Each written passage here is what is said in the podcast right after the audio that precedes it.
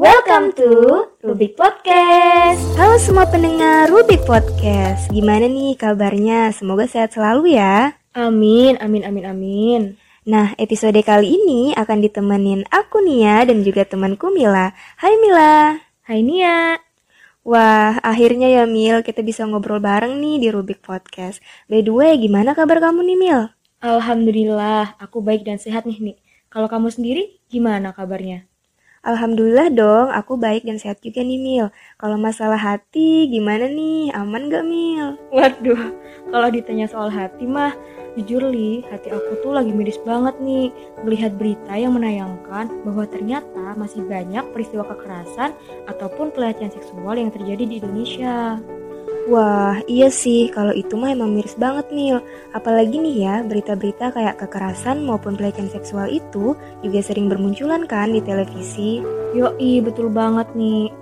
Dan kalau kita simak nih di podcast sebelumnya, di situ tuh ada informasi tentang data kekerasan dan pelecehan seksual.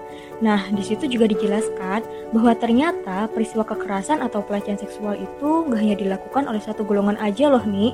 Selain itu, kalau kita lihat nih di berita ataupun di televisi, si pelaku atau korban dari tindakan tersebut tuh ternyata bermacam-macam loh.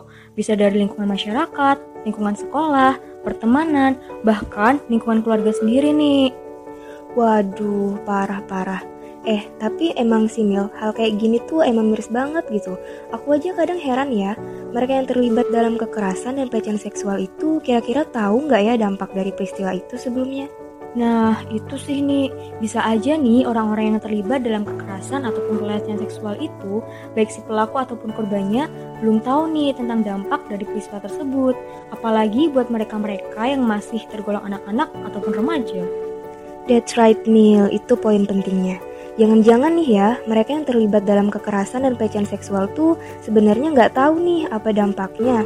Dan bahkan mungkin saat pelaku melakukan tindakan kekerasan dan pelecehan terhadap korban, si korbannya malah jadi bingung harus gimana, iya kan? Yap, betul banget nih. Nah, oleh karena itu, penting banget nih untuk masyarakat yang ada di Indonesia untuk memiliki wawasan yang luas tentang pendidikan seks. Approve Mil, setuju banget sih aku. Mungkin nih ya, bagi sebagian orang awam tuh membahas tentang pendidikan seks itu adalah hal yang sifatnya masih tabu.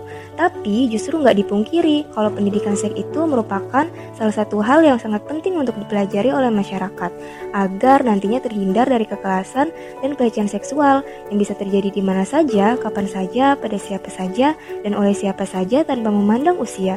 Contohnya ya orang terdekat. Yoi, bener banget nih.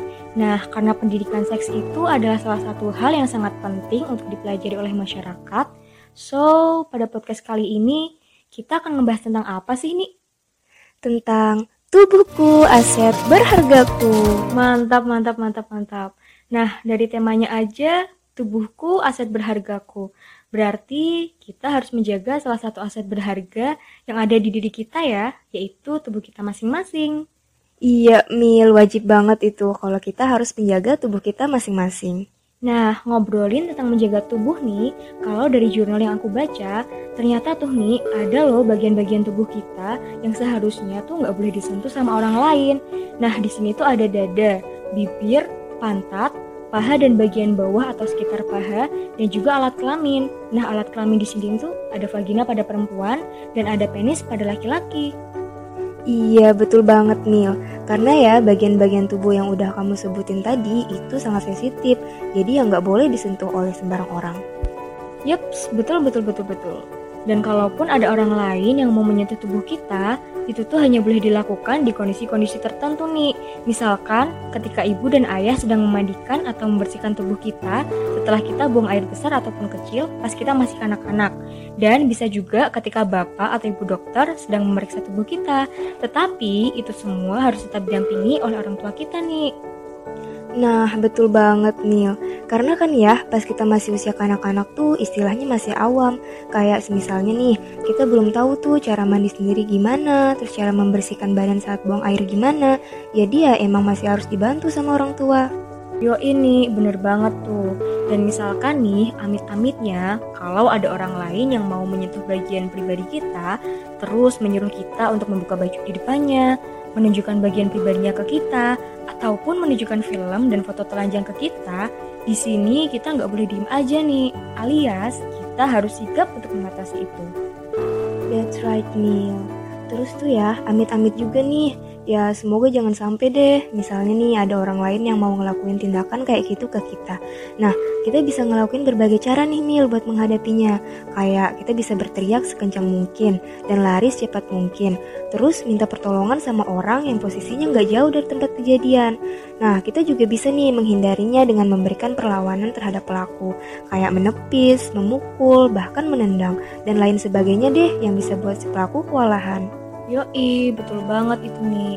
Nah, itu tadi beberapa cara yang bisa kita gunakan semisal ada orang lain yang mau melakukan tindakan kekerasan ataupun pelecehan seksual terhadap kita. Yap, bener banget Mil. Nah, jadi itu tadi pembahasan podcast kita pada hari ini. Harapannya semoga podcast ini nantinya bisa bermanfaat buat teman-teman yang mendengarkan ya. Yap, betul banget nih. Dan untuk teman-teman yang sudah mendengarkan podcast ini, boleh banget loh kalau nantinya kalian bisa menyebarkan informasi ini ke orang lain, seperti ke teman kalian, keluarga kalian, saudara kalian, pacar, tetangga, ataupun masyarakat sekitar tempat tinggal kalian. Bener banget, Nil. Wah, luar biasa ya pembahasan kita kali ini, Nil. Yo ini luar biasa banget ya. Semoga dengan adanya podcast ini, masyarakat bisa lebih menjaga tubuhnya yang merupakan salah satu aset berharga bagi dirinya. Dan semoga kasus kekerasan ataupun pelecehan seksual dapat semakin berkurang ya. Pokoknya jangan sampailah ada pelaku-pelaku ataupun korban-korban lainnya lagi. Amin, amin. Oke deh, kalau gitu makasih ya Mil udah join di Rubik alias Ruang Bincang Psikologi. Yuhu, sama-sama nih. Nah, terima kasih juga nih buat teman-teman yang sudah mau mendengarkan podcast ini. Aku Nia dan aku Mila, pamit undur diri dan sampai jumpa di podcast selanjutnya. See you.